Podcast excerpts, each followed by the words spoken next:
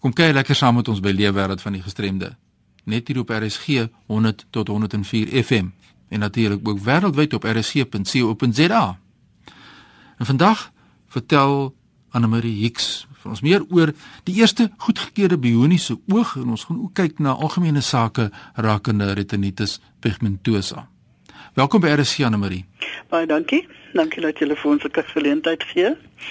Anne Marie, Ek het onlangs gelees van die eerste FDA goedgekeurde bioniese oog in die FSA. Wat beteken hierdie FDA goedkeuring en waaroor gaan dit? Ehm um, die FDA goedkeuring is ehm um, be beteken dit vir die behandeling van blindheid weens retinitis pigmentosa en dit het markgoedkeuring gekry om mense met gevorderde retinitis pigmentosa te behandel. Nou sê vir my, die moontlike ontvangers van hierdie as ek kan ek dit noem kunsmatige liggaamsdeel ja. uh, wat gaan dit doen? Wie wie is dit die, die mense wat um, aan gevorderde visie verlies ly weens retinitis pigmentosa is die moontlike ontvangers van hierdie kunsmatige liggaamsdeel en veral mense wat tot dusver geen uh, beskikbare behandelingsopsies gehad het nie nou kom ons kyk na retinitis pigmentosa self uh, sê ons 'n bietjie meer inligting daaroor Ehm um, dis oor erflike retinale degeneratiewe siekte van die retina en dit lei dikwels tot feitelik algehele blindheid.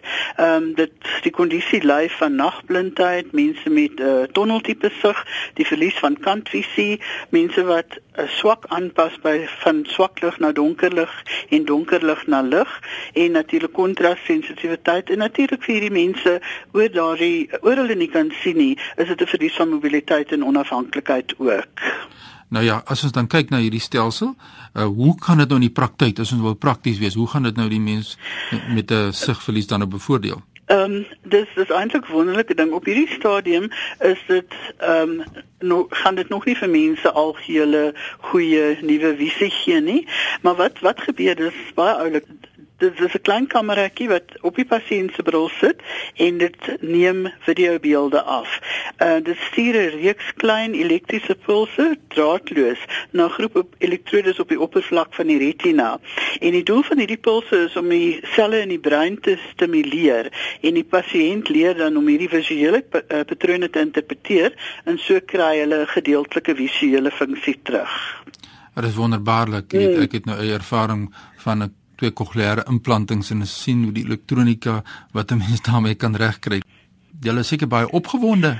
Ons ons is baie opgewonde daaroor want dit gaan vir mense wat ehm um, mobiliteit en onafhanklikheid verloor het 'n geleentheid gee om bietjie meer onafhanklik te wees. Nou kyk na Suid-Afrika dan self, wat is die situasie met hierdie nuutste verwikkeling dan in Suid-Afrika? Um, dit is ongelukkig nog nie in Suid-Afrika beskikbaar nie, maar op hierdie stadium kan mense dit wel in Amerika en Engeland en Europa kry. Die voorkoms van sigverlies in Suid-Afrika, is daar tendense dat dit toeneem of wat is julle mening oor sigverlies in Suid-Afrika as sulks? Wel, ehm um, Jy weet daar word baie navorsing gedoen en natuurlik mense wat nog nie voorheen uh, op ons radar verskyn het in die begin nou op ons radar verskyn omdat daar um, meer publisiteit daarvoor is. So ons kry mense uit alle groepe wat nou vorentoe tree en wat behandel kan word of ten minste by by Retinate South Africa aansluit. Ja, en bewusmaking soos jy sê is hmm. natuurlik van kardinale belang, né? Nee? Ja, nee, absoluut. Dink jy die gemeenskap is nog baie oningelig oor die impak van sigverlies of dink jy daar's 'n groot verbetering dat die mense meer begin verstaan wat die verskil is tussen iemand wat nou blindgebore is of iemand wat later sy sig verloor? Wat is jou mening daaroor? Ehm um, kyk, daar daar is regtig uh retinitis pigmentosa in Suid-Afrika werk werklik hard daaraan aan aan bewusmaking.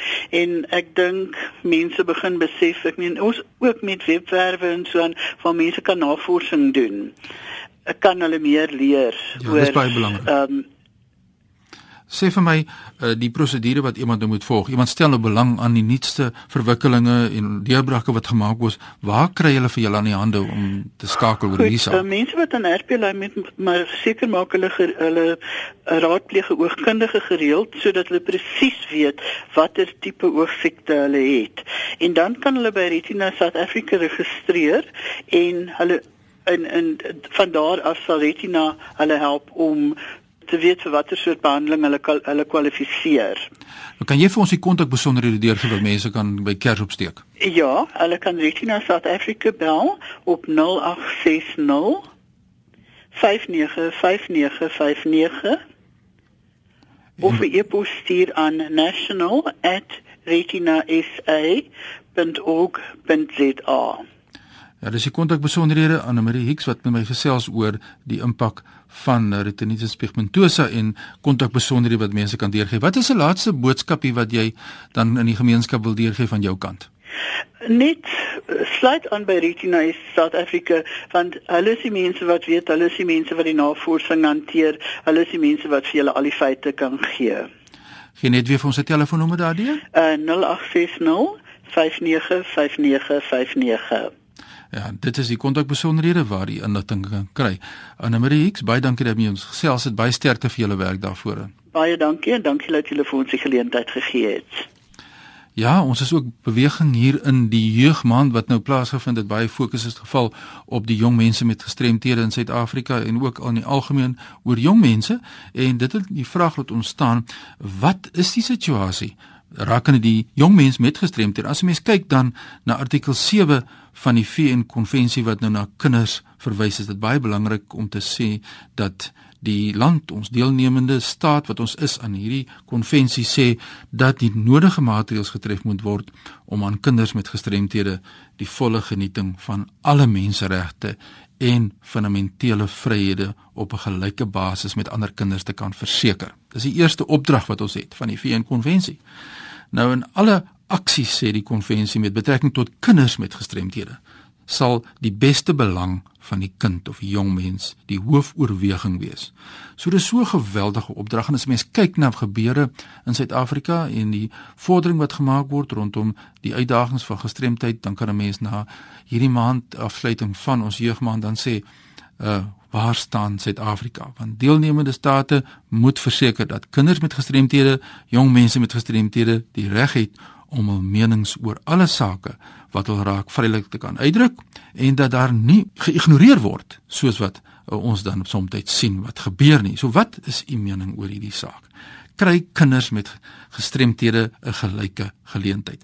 'n Ander artikel wat ek net wil na verwys as ons dan nou kan saamvat wat in hierdie maand gebeur het en dit is artikel 24 van die VN konvensie wat handel oor onderwys. Dit sê baie duidelik: deelnemende state en die gemeenskappe erken die reg van persone met gestremthede tot onderwys. Wat is die situasie op tersiêre onderwysvlak in Suid-Afrika vandag? Die toegang, toeganklikheid vir mense met gestremthede, jong mense met gestremthede. Nou ter verwesenliking van hierdie reg is dit dan sonder diskriminasie en met hierdie mense dan toegang hê tot gelyke geleenthede.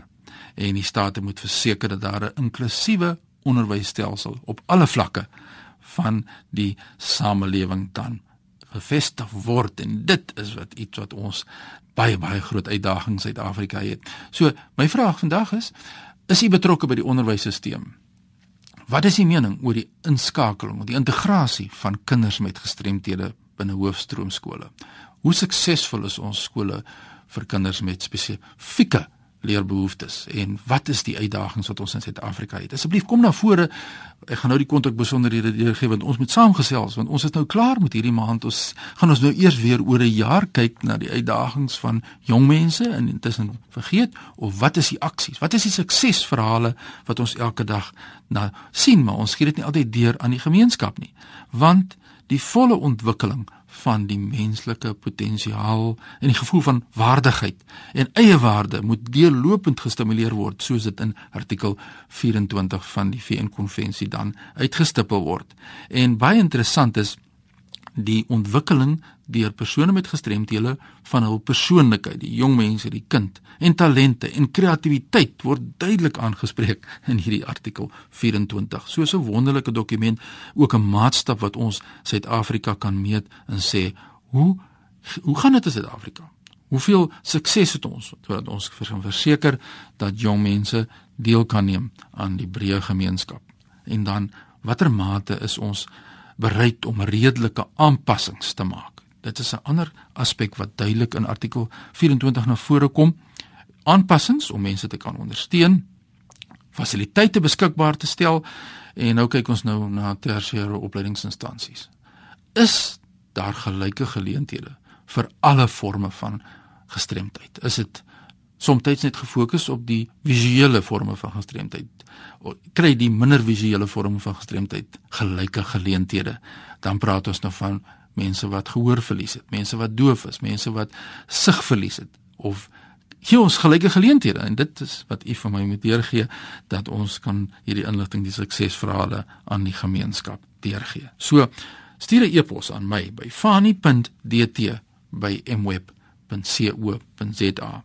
Ons wil hoor wat was die suksesse in hierdie maand wat verby is en wat is die pad vorentoe vir ons aan die bemagtiging van jong mense met gestremdhede. Gesels saam, jy kan my volg op Twitter by Fanny Dreams. Ons wil hoor wat jou mening is. Ons kan gesels deur middel van Facebook. Ons kan soveel tegnologie vandag gebruik om inligting uit te ruil. So ek sien uit na jou kontak met my. Onthou hierdie program word ook Woensdaagoggend om 3:15 herhaal. Groetnisse uit Kaapstad.